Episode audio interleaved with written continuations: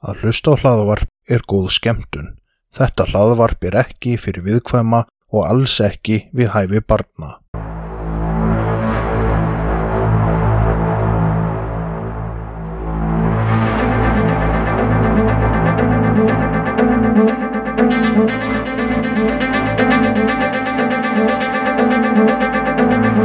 Þetta hlaðvarp er hluti af IK Network. Góða skemmtun. Sæl og verið velkomin í annan þáttinn af hvað ætli sé að. Annað þótt er ótrúlegt. Já, það er bara jafnvel að það verði þriði og, og svo framvegis. Já, eh, fólk er náttúrulega spennt eftir að heyra af framhalsögun af hetjundaðu mínum og nær dauða reynslu þinni. Ef hetjutaður skildi kalla. Telma, þetta var mikil hetjundað. Mikil. Ok. Já, Já, um, við ætlum að segja þá sögu. Svo er kannski spurning að við svona tökum það upp að kynna okkur. Ef einhver er að hlusta í fyrsta skipti eða bara ef einhver mann ekkert hverju við erum langar kannski að vita það. Eitthvað, ég veit ekki. Það er ekki svo skemmtilegt. jú, eh, ég hitti Brynjar. Ég heiti Telma. Viltu kannski segja eitthvað meir um þau? Nei, þá mæl ég bara með að fólk hlusti á fyrsta þáttin áður en það heldur áfram. Já, ég hérna ætla samt að segja smá um mig. Já, Ég heiti Telma og ég er BS nemi í sálfræðin. Ég er mikill líffræði, nörd, trúkræm, perri. Ég er búin að vera að sjá um bloggið fyrir illverk.is. Það er skemmtilegt ef að fólk vil kíka það. Og já, þetta er frumrun okkar í hlaðvarpsgerð. já, heldur Pétur. Eigum við að byrja á, á sögunni eða eigum við að taka málið sem við erum með? Sko, ég er með spurningu fyrir þig. Já, Ég, það ég má, við erum að byrja á því. ok. Hvað er uppáhalds maturinn þinn? Minn, Já, þinn. erum við þá að tala um uppáhald svona sem ég finnst bara best eða eitthvað svona sem ég er alltaf til í og fæ aldrei leið á? Bara uppáhalds maturinn þinn. Það er, já, nú kann ég alltaf ekki að segja það. Ok, En, en ég man ekki hvað heitir. Manstu laxin sem er eldaður í svona sítrussafa eins og ég var að reyna að búa til? já, hérna Sivitse. Já, já, Já, ok. já laxa sivitsi, Mm er það rétt sagt? Já, Já, það er held ég bara svona í miklu uppáhaldi hjá mér. Mér finnst það mjög gott. já, ok, ok. En, en þinn uppáhaldsmaður. Það kemur ekki á mörgum óvar sem að þekkja mig en það er uh, saltað hrossakjöld með kartöflumús og uppstúf og grænum bönum og Alveg rétt. já, hvernig gastu glimt því? Þú átt svo marga uppáhaldsrétti. Nei, þetta er uppáháls uppáháls. Já, já, ég hefði ekki átt að glemma því, en ég fór að hugsa samt um allt sem þið þykir gott. Það er margt sem þið þykir gott. Þú veist, við erum með skanka, við erum með pítsu, við erum með Lambalæri, fóigra. slátur, hörpuskjel. Í álfuru, er það á listanum? Hörpuskjel er miklu betur en humar. Humar er ofmetin. Hörpuskjel er geðvik. Ég var enda að hugsa um hvað fóigra er ógslegt. Nei, telma, það er ekki ógeðslegt. Eina ógeðslega sem hægt er að nota í setningu með fóigra er ógeðslega gott. Þetta kemur svona listin. Það er að Jeffrey Dahmer og átvenjurnar og svo hann er rétt fyrir neðan er fóigra. Nei, nei, nei, nei. Það er ekki rétt. Ok, þið sem hafið áhuga á að- að kynna ykkur þetta deilumál okkar, þá mæli ég með að þið skoðu hvernig fóigra er búið til. Mm En uh, það er spurningum að vinda okkur í söguna. Já, við erum enda búin að hæpa þetta svolítið upp. Ég óttast að hún standi ekki undir vendingum, en ég, ég skal segja frá henni. Ok, en það líka hendi það þig og þú getur líst í svo vel. Það var um miðjanútt að ég var upp í rúmi, sofandi, og ég vakna við svona væl. Það er ástkær heimilisundurinn, hann lurkur sem þurfti að skýta um miðjanótt. Þannig ég fer fram úr ógæðislega svefndrukkin í sko kolniða myrkri, hleypunum út. Svo hingra ég aðeins og svo opna ég fyrir honum aftur inn og ég er að loka þess að hörnum því garð nema ég er svo þreytt að ákvaða greinleikin að styðja mig við og halda í karmin þeim megin sem laminnar eru á hurðinni og svo skellti ég með fingunar á milli og þarna kom skadræðis öskur þegar ég var hálfsofandi og mér brá svo heftarlega að ég verður að vakið nágrannana. Þannig að ég stöylast í myrkrinu í gegnum íbúðina, augun eru full af tárum og ég sé ekki út úr þeim fyrir utan kolnaða myrkrið, stöylast inn í fórstofu til að setja þjóðvarnakerfið á. Og þar sem ég stend þar í myrkrinu, stingst einhvað í lærið á mér. Það potar svona eitthvað í lærið á mér. Og ég veina. Ógæðislega háttur, og herra enn í fyrra skiptið þar sem ég stend með augun full af tárum sviða í fingrunum sem ég var sko þessum tímapunkti mjög vissum að væri bara að fara að detta af og eitthvað var búið að stingast í lærið á mér Íkolniða myrkri. Japp.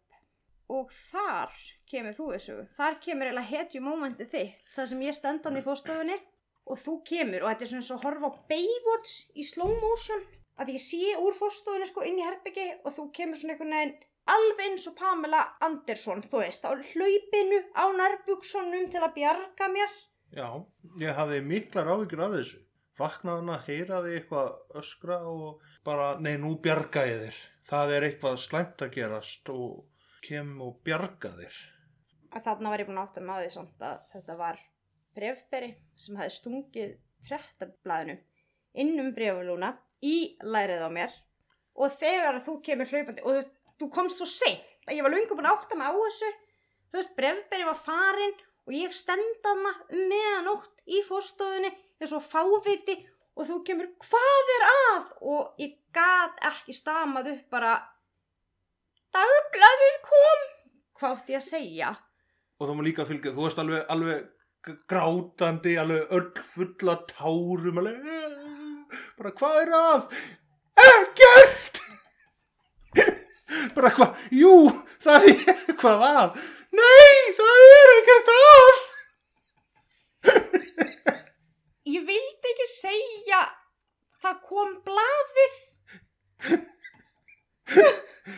En þannig helst þú að það væri að koma morðingin um breyfalúuna. Nei, ég áttaði mér náttúrulega ekki á því að þetta var innan um breyfalúna að því ég er náttúrulega stend svona hlið ykkur neginn og það er kolniða virkur og allt í einu þá er bara hreyfing og það bara potast einhvern veginn í lærið á mér og ég er með augum fulla tárum í brjáluðu uppnámi, nýbúin að klemma mig einhvern veginn, já ég var mjög skelkuð og garga aftur, greið maðurinn, pældi í hann kemur eða manneskjan sem kom með blaðið, stingur því svona innum brefalóna og heyrir allt í hennu bara vein. Já, síðan þá fenguðu ekki fréttablaðið í tvær vikur. Nei, þú ert að ljúa við fengum fréttablaðið, ég held það. En já, þú komst með þitt hetju moment aðna aðeins og seint og endaðir með að hugga mig þegar ég gætt stamað upp hvað hafði skeið. En þú sér það að ég kem alltaf að bjarga þér. En ef þetta hefði verið svona trúkræmál, þá hefði verið búið að drepa mig þegar þú vaknar. Af því ég var búin að öskra tvísvar og fara í gegnum íbúðina og... Nei, það væri kannski búið að skera það í puttan. En reyndar, þá átti ég mig ekki alveg á því að ég var svo sofandi. Af hverju ég var svona skelkuð. En máli málana, málið. Já, þann 9. apríl árið 2004 ringdi síminn á McDonald's skyndibitastæðnum í Mount Washington, Kentucky. Aðstöða vestlunarstjórin Donna Jean Summers svaraði símanum og línunni var maður sem kynnti sig og saðist þurra frá lauruglunni. Maðurinn tilgjöndinni að starfsmaður á skyndibitastæðnum væri að draga sér fjö. Hann saðist það að verið í sambandi við starfsmenn hjá aðalskrifstofu fyrirtækisins Lörglu fulltrúin sagðist líka hafa verið í samskiptum við vestlunarstjóra þessa útibús og hann gætt nafngreint vestlunarstjóran og starfsmenn hjá skrifstofu fyrirtækisins. Hann gaf Donnu lýsingu á starfsmanninum, sagði henni að um unga stúlku væri að ræða og Donna nefndi þá strax eitt starfsmann sem við köllum hér eftir Susan. Ok, það er þá eitthvað svona nafnlindadæmi eða... Já. Já, ok. Susan var 18 ára stúlka sem hafði starfað á staðunum í nokkra mánuði og hafði verið fyrirmynda starfsmæður. Lauruglumæðurinn sagði Donnu að hún yrði tafarlaust að leita á Susan og finna peningana sem hún hefði verið að stela. Lauruglumæðurinn ítrekkaði að þetta væri mjög mikilvægt því annars þyrst að fara með Susan niður á lauruglustöð og leita á henni þar. Donna kallaði Susan inn á litla skrifstofu og læsti hurðinni. Lauruglufulltrúin sem var enn í símanum leiðbenti Donnu um hvað hún ætti að segja og hvað hún ætti að gera. Donna fór alveg eftir leiðbendingu mannsins og skipaði Susan að afklæðast alveg en fara aðeins úr einni flík í einu.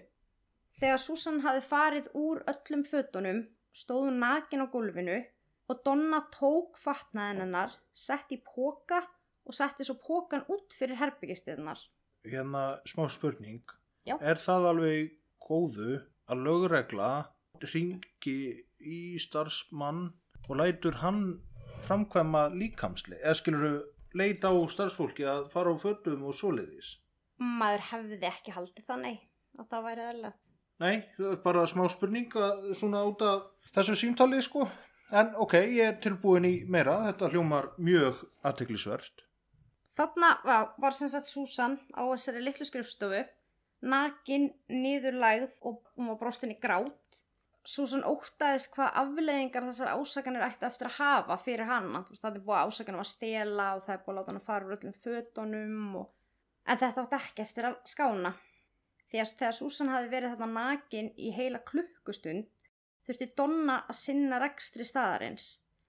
Lauruglumæðurinn bað Donnu þá að finna einhvern til að gæta stúlkunar á meðan. Þá hafði Donna samband við unnusta sinn, henn 42 ára gamla Walter Nix, sem samþykti að koma á staðinn og aðstóða hana. Walter læsti sér svo inn í þessu litla helbyggi með naktri úlingstúlkunni sem var orðin verulega skelkuð. Ok, af hverju er löggan samt ekki búin að koma og taka stelpuna og gera þetta? Þetta er mjög förðulegt að lögreglan sé að fá starfsmannastjóra eða yfirmann eða verslunastjóra hvað sem það heitir til að framkvæma leit á starfsmanni og síðan það starfsmannar hann að fara að vinna og hún ringi bara í kærasta sinn. Af hverju er lögreglan ekki búin að koma til að taka nefn að þarf að yfirheyra eða leita eða neitt svoleiðis? Ef ekki bara koma á staði. Jó, ok. Ó, er eitthvað, er eitthvað plott í þessu? Hlutinni fór allavega að verða enn undarlegri og þarna er lauruglufulltrúin í símasambandi við Volter, unnusta aðstofavesslunarstjórans og hann sannfærir Volter um að hann verði að þvinga stúlkuna til að framkvæma alls konar kymferislegar aðtafnir Wow. og hann ræðir sjálfur við stelpuna í síman og segir henni bara þú verður að vera samvinnu því því að annars verður það verra fyrir hana sjálfa og næstu þrjá klukkutímana varð Susan fyrir hræðilegri misnotkun af hendi Walters allt þá til lauruglufulltrúin skipaði hann síðan að finna einhvern annan til að geta stúlkunar ég sé að þú ert orðin mjög agndofa Lögreglan Já. skipaði Volter að misnota starfsmannin. lauruglumadurinn sem ringdi Já, hann var að segja honum að í þrjá klukkutíma misnota hana. Já Ok, haldt áfram. Valter yfirgefur þarna herbyggið og finnur annan starfsmann á staðnum. Hér 58 ára gamla Thomas Sim sem var kallaður inn í herbyggið. Sem betur fyrir fyrir Susan að þá áttar Thomas sig á því að það er eitthvað mikið aðaðna. Já, Og hann neytar bara hlýða lauruglumanninum og skellir bara á síman. Og þarna fyrst líkur þessari hræðilegu misnökkun og meðferð á stúlkunni og svo kom í ljós að Donnu hafði fundist þetta skrítið en maðurinn sagðist vera að ringja frá lauruglunni og hann segir henni að hann hafi talað við yfirmennanar og hann getur nafngreint þannig yfirmenn verslunarstjóra og einhverja. Og henni fannst þess að hún heyrði sko í talstuð, lauruglutalstuð í bakgrunninum og þetta allt auk þess sem að hún alltaf alveg upp á það er imprentað í fólk, alltaf sérstaklega í bandaríkunum þú gerir bara það sem lauruglan segir þér að gera. Já, þá ættu að hættu að vera skotin einfallega. já, þú gerir það ekki. Já, þannig að þannig er búið að imprenta í hana að hún alltaf gerir bara það sem henni er sagt að gera en auðvitað hugsa maður einmitt, hvað ætli sé að? Heilbrið skinnsemi myndi nú segja fólki að bara, herðu, nei, byrju, ég er ekki að fara að gera þetta þetta er ekki eðlilegt og sérstaklega, já, lögregla að segja manni að misnota stelpu, það er mjög vilt. það, er, það er alveg formlegt en veistu hvað er það undarlegast að vita mál Hvað? Susan var ekki svo einaslendi í þessu hún var ekki svo fyrsta og alls ekki svo síðasta Ha? já, yfir fimm ára skeið frá sko 1999 til 2004 Já. Höfðu verið að bera símtöl til yfirmanna á skyndibitarstöðum þar sem þeim var fyrir skipað að brjóta á starfsfólki sínu og allir yfirmenn á þessum 70 stöðum sem var hringt á fóru eftir fyrirmælum mannsins sem hringdi. Ha? Þannig að endur takk þetta senasta. Var, var með að misheyrast eða? Nei, á fimm ára tímabili þá hringir maður, Ok. kynnir sig sem fulltrú frá lauruglunni á yfir 70 staði og í öllum tilfellum þá gerði starfsfólki það sem hann sagði því að gera. Og var þetta sama símtalið og á þessum staðaskiluru? Var það að taka fólk úr fötunum og misnota það eða var, var þetta eitthvað svona rútína með það? Ég hef náttúrulega ekki séð svona nákvæm atriði um hvert einasta en þetta var held ég alveg versta tilfelli og það sem er mest búið að tala um. Hann kemst upp með þetta í fimm ár af því það er ákveðin svona milliríkja blinda sem að ríkir í bandaríkanum. Milliríkja blinda, það er mín eigin þýðing á jurisdictional blindness sem að er sem sagt að þegar þú fremur glæpi í mismunandi ríkjum þá er oft eins og að stranda tengja það saman. Og þannig er náttúrulega þetta er næstu í 20 ár sem það var eða, já, 20, meir en 20 ár sem það byrjaði. Og lögregla var svo lengi að tengja málinn saman að þau dreifðust yfir 32 ríki Já. og sá sem hringdi, hann notaði alltaf fyrirframgreitt símkort sem var mjög erfitt að rekja en eins og náttúrulega átt á okkur á núna þá náttúrulega var þetta ekkert lögreglumæður Nei, ok, Öll, ok. öllum líkindum ekki Ok, það minna hefði geta verið, það er alveg til lauruglumenn og aðrir sem að hafa verið morðingjar og, og annað. Já. En, en þetta var semst ekki alvöru lögurreglu maður. hann var, nei, hann var ekki að ringja vegum ok, Ok, þannig að þetta hefur semst verið prank call í raun og veru aðeins meira heldur en prank, þetta var semst að, Já, já, hann var að villa af sér heimildir. það var sem sagt maður handtekinn. Og það var hinn 38 ára gamli David R. Stewart. Hann var handtekinn og ákjörður fyrir þetta. Hann var giftur fimmbarna faðir búsettur í Flórida hann starfaði sko sem fangavörður og hafði áður verið öryggisvörður og unni sjálfbóðalega störf hjá lauruglunni þannig að hann þekkti náttúrulega einhvað til og kannski átt auðvelt með að láta símtali hljóma eins og þetta væri frá lauruglunni hún talaði um hún eða mögulega hýrt í talstöð og svona ýmislegt. En hann var samt síknaður Nú, já, hvernig, ha? það voru ekki fullnægandi sönnunagögg það var ekki hægt að sanna að þetta hefði verið hann. Já, örgulega svona, það er náttúrulega óskráða númer. uh, já, hann ringdi sko úr ykkur svona fyrirfram greittum símkortum ég, ég átta ekki á að þessum tíma hvort þetta hafi verið þá svona símkort eins og við setjum í farsíma Já. eða hvort þetta hafi verið þá ykkur svona almenningssíma kort, svona payphone já eins og við köllum tíkallasíma eða það voru hann þá tíkallasíma rann jú, jú 99 Jú, jú, jú. 2004 Jú, jú, það var, við mann ekki já, það er nú ekki svo langt síðan tíkalla sem ég fór úr hérna kaupfélaginu og Selfossi, sko. Sko, Selfossi er náttúrulega nafli alheimsins, en stundum er alveg ekki mikið að gerast þar. Eins og maðurinn sem að kveikti í sér út af hann liti svo. Hvað, telma? gerðist það á Selfossi að einhverjum littist svo mikið að hann kveikti í sér Eh, Það er allt um saga, við erum ekki að ræða um það núna. En það var mjög gaman, út af með tíkallasímanuna, var maður alltaf að býða eftir að einhver myndi lappa fram hjá tíkallasímanum, sem sá maður einhver að fara í þá ringdi maður í tíkallasíman. Það gá hvort það myndi svara í tíkallasíman. og hvað gerðist þegar einhver svaraði Þá bara var maður eitthvað, fáið þig, eða eitthvað. Ég elska tíkallasíma. það var samt bíó á Selfossi þegar þú varst barnið ekki E, það opnaði e, 2006 cirka. Og þá hefur kannski tíkallasímin ekki lengur verið þunga með að skemmtana lífs selfisinga. Sko bíóið opnaði 2004 eða 5, minni mig. Ég var í grunnskóla. Nei, kannski fór tíkallatímin á svipaðum tíma. Og þá hætti fólk að nenn að ringa í tíkallasíman þegar bíóið var komið. Þannig, Ah, ok. já, ok, er eitthvað meir í þessu? Það var enginn dæmdur fyrir þetta sem sagt að hafa hringt þessi símtöl. En það hafa samt ekki borist fleiri símtöl, svo vita sé. Hins vegar þá eru Donna Sommers og Walter ekki lengur trúlóðið. Af hverju? ég hugsa þetta atvik gæti hafa sett eitthvað strík í reikningin. En þau játuðu bæði á sig marga ákjörulið, Donna fekk skilorð en Walter var dæmdur til fimm ára fangelsisvistar fyrir að misnóta Susan. Já, skiljanlega, er náttúrulega saman hvað ykkur segir að það áttu ekki endilega að hlusta á það sko. Nei, það er nefnilega svolítið málið.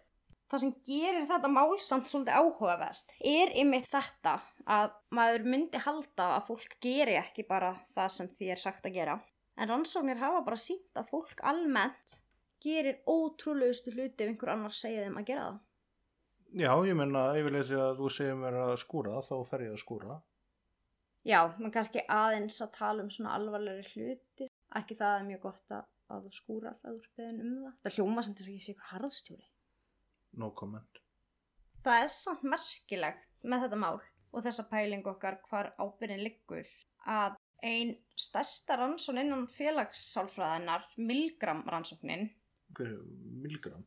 hann var gýðingur sem að var að gera rannsókn við háskólan í Yale og á þessum tíma þá eru svona um það byrj þrýr mánuðir eftir að réttarhöldin hófust yfir Adolf Eichmann í Jérúsalem en hann var sagt, ákjærður fyrir hlut í helfurunni þannig að þarna er ekki svo langt síðan helfurinn var yfir staðin það er ennþá verið að rétta yfir nazistum og Milgram var mjög forvitin um þessa pæling voru nazistar bara að fylgja skipunum Var Milgram þá sálfræðingur? Já, ég held örgulega. Hann allavega gerði þessa frægur rannsókn á sviði félagssálfræði. En þessi reyndar rannsókn er líka mjög merkilega bara í félagsvísindum yfir höfuð. Ok. Og hann setti sér satt upp svona rannsókn þar sem að þáttakjandur voru fengnir til að taka þátt í minnisrannsókn. Þeir sátu svona fyrir fram að það var gler.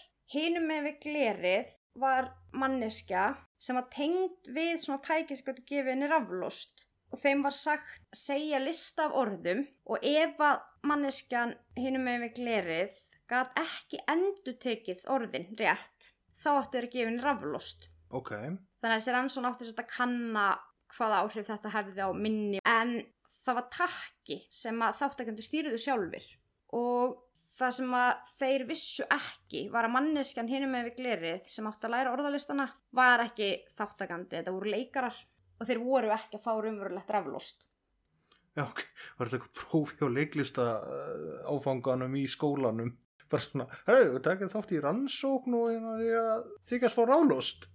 Ég veit ekki, en að merkilega við það var að á takkanum þá kemur sko svona viðvörun og ákveðnum tímapunkti að ef þú ferð þetta hátt þá sérst að fara að gefa bannvænt raflost. Þannig að í fyrstu var þetta bara mjög vægt raflost sem varði alltaf verra og verra. Og svo þegar var komið þannig að þeir voru að fara að flippa rofanum yfir í sko bannvænt raflost þá fór fólk náttúrulega að hika. En þá stendur vísindamæður yfir þeim í svona slopp og mjög virðulegur og segir við þau það er mjög mikilvægt að þú ítir á takkan vinsanlast íttu á takkan það er mikilvægt fyrir tilrunina að þú ítir á takkan hvað heldur að margir hafi ítt á hann á takka? Mér langar að segja engin, en það er eitthvað sem að segja mér að það er ekki rétt svar. Hvað voru margir sem tóku þátt í henni? Þetta voru reynda bara 40 manns Ok, ok, 40 manns og ég, mér langar að segja engin, en það er ekki rétt. Annars væri, þetta ekki merkilegt, þannig að 40 manns það langar mig að segja 38. hefði gengið svo langt að Í, gefa annari mannesku bannvænt raflost haldandi að þetta væri raunverulegt. eh, já, Það var ekki alveg svo gróft en það voru 26 af 40. ok, meir en helmingur. Já, það að- 65%. Ok, sem að gáfu banvænan raflost. Já, sem gáði bananaskamtar raflosti. Ok, það er þá alltaf mun betur heldur en ég hefði áhyggjur af. En þetta sýnir samt svo mikið hvað fólk gerir undir pressu. Þarna er vísindamæður, hann stýrir rannsókninni. Þau eru bara þáttakendur í rannsók sem hann ber ábyrð á og hann segir, það er mikilvægt að gerir þetta. Minnsanlast íttu á takkan. En þessi rannsókn hefur ekki verið endutekinn. Nú, Nei, það er bara vísindasíða nefnd og myndi aldrei leiði þetta og þetta er bara, þetta er svo siðferðislega rá. Já, það er aldrei örgulega verið að, að íta mjög mikið á samvisku fólks, sko. Ég en getur ímyndar eftirköstin þegar þá kemst að þetta var alltaf ekki raunverulegt og við erum að tala um sko leikararnir öskruðu við raflóstið og báðu fólk um að hætta og fólk held áfram. Eftirköstin að vita að þú sért fær um við vissar aðstæður að mögulega myrða annan einstakling að því einhver annar segir þér eitt á takkan. Þú viltur ekki lifa með því.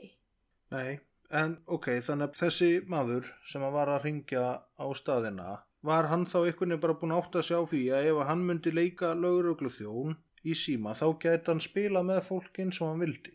Já, það er talað um að hann hafi verið mjög samfærandi en ég ímynda mér að hann hafi náttúrulega byrjað mjög smátt. Þetta hefur verið gróasta já, já. og þetta hefur verið byrjað með því að hann hefur sagt einhverjum að ræða við starfsmann eða eitthvað svo leiðis.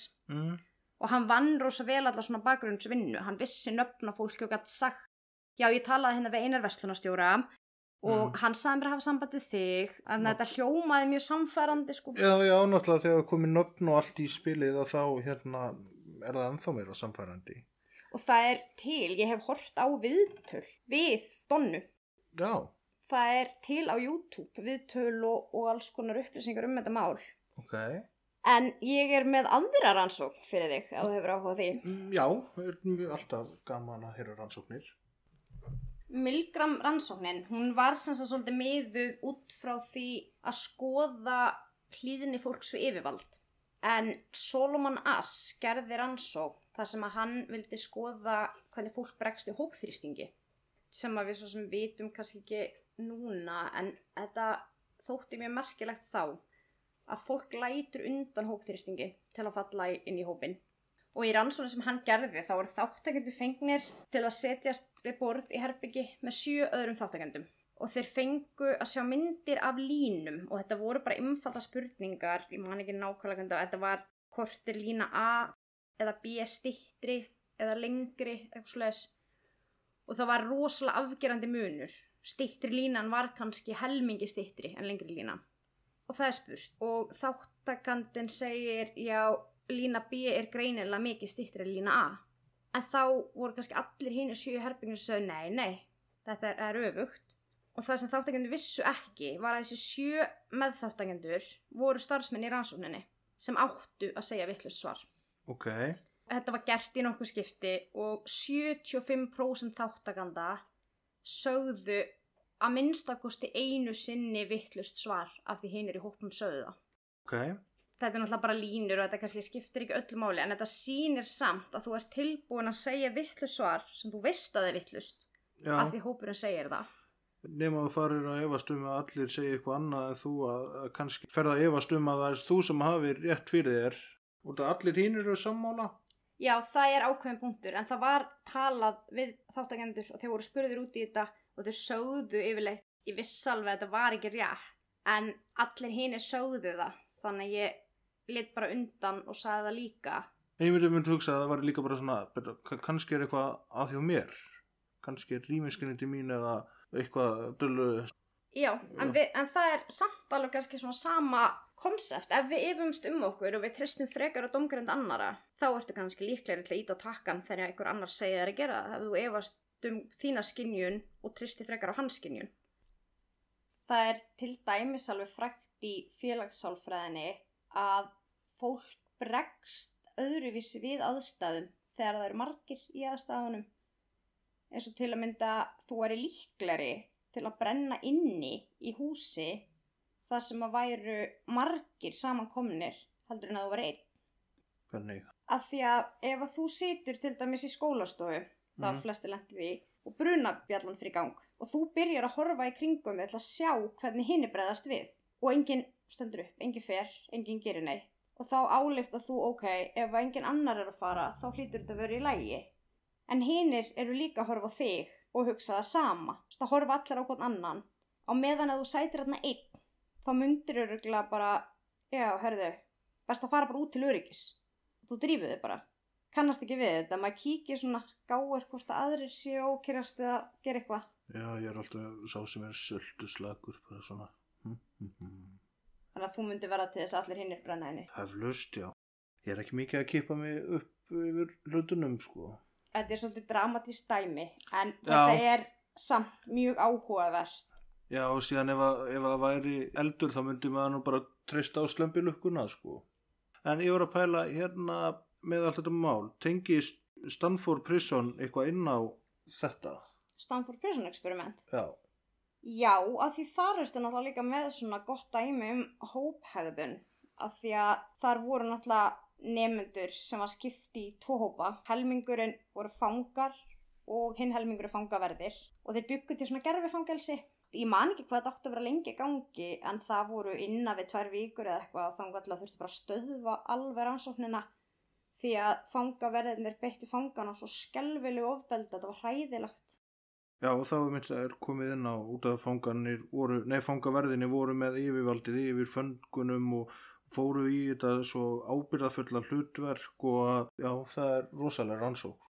Já, þeir fóru bara niður eitthvað svona ákveðlutverk og svo voru öruglega fullt af þeim sem að vildu ekkert koma illa fram með fangana en þeir tilherðu samt þessum hópi. Þú ert búin að búa til tvo hópa, við og þeir. Og það er alveg sannað að fólk reynir að taka ákvarðanir sem að eru í samræmi við samfæringu hópsins sem það tilherir og þetta hefur verið skoðað með þess að í svona heila myndatökum Já. af því að það er líffræðilega imprentað í okkur að við þurfum að tilera hóp til að lifa af. Þannig að að vera útskúfað úr hóp það virkjar heilasvæði sem að virkjast við sásuga. Hmm, ok. Veist, það er líkamlega sásugafullt fyrir okkur sem einstaklinga að vera útskúfað úr hópnum okkar skilin út undan eða, og maður veit þetta alveg sjálfur veist, það hefur alltaf komið eitthvað svona upp á það sem að maður er ekki hlut af hópa á einhverjum ástæðum þegar maður var bann og maður fyrir að rífast við vinkonu sína og Þeir eru ekki búið í ammali mitt. já, ymmi Já. Og það var svo sárt Mm. að við gerum alls konar hluti til að tilera hópnum en það réttlætir það ekki og það er engin afsökun en það er kannski einhver svona skýring fyrir því hvers vegna þetta atvikast svona oft að fólk gerir fyrðulega hluti en það samt skýrir ekki svo þarna að hann er að ringja hann tilera ekki hóp þessa manns Walter Mhm. sem að misnotaði hana Já. hann er alltaf ókunnum maður fyrir honum Mm. En hann er að hlusta á yfirvaldið. Já, þannig að það hefur kannski meira að gera með milgram. Já. En svo ertu samt með eins og hinn starfsmannin sem tilherir hópi starfsmanna þarna sem segir bara, herðunni, stopp, hvað er að því þarna? Já. En það er náttúrulega eins og sagðir líka með Milgram hvað 26 og 40 sem að gefa raflósti, hann hefur þá verið einna einu 14 sem að gáfa það ekki. Ef það væri hægt að yfirfæra þetta svona beint, þá væri það örgulega alveg þannig. En sálfræði er ótrúlega flókið fyrirbæri, ótrúlega áhugavert, en engin svona í rauninni kannski beint svör hvar hann hefði verið í þeim aðstæðum, en það er ótrúlega gaman að pæla í þessu. Já, kannski líka aðeins öðru við þessi, maður pælir í því út af því að Donna, uh, starfsmæðurinn, Já, hún var Já, alltaf já, vestunastari. uh, Donna fær símtalið og hún er í raun og veru við samskiptum við yfirvaldið. Þú segir kærasta sínum frá því og hann tala við lögguna síðan á hann að kalla og hann er kannski ekki búin að eiga samskipti við lögguna og sér það kannski aðeins öðruvísi þannig. Já, já, hann kannski náði að skella á áður en að lauruglumæður náði að samfara hann eitthvað. Já, já, getur verið þá að hann komið þaðan svona ósamfærður inn í umræðina. Það er svo endalust með hægt að velta þessu fyrir sér. Hva, hver er þessi munur á fólki? Af hverju að bregst mismunandi við? Hver eru fórsendurnar og er það einstaklingsmunur eða er það einmitt eins og við vorum að tala um? Var hann bara minna samfærður þegar hann skellt á? Náðan núnum bara ekki lengra? Þannig að það er ekki bara segja þetta gott. Við erum búin að velta upp svona helstur ansóknum og okkar pælingum um þetta mál er það ekki? Það er alltaf allar spurningar komnar frá mér í fljótu bráði. þá bara þökkum við fyrir okkur í kvöld og þanga til næst. Það væri sem gaman ef þeir ekki einhver svona mál þar sem að þið standið ykkur að því að spyrja ykkur hvað ætli sé að. Þá mættu þið láta okkur vita. Eða ef það er bara eitthvað sem ykkur langar að heyra okkur bladra um. Já, þá erum við með Instagram. Já, Instagram. Hvað ætli sé að? Það takk fyrir okkur. Takk sem leiðis.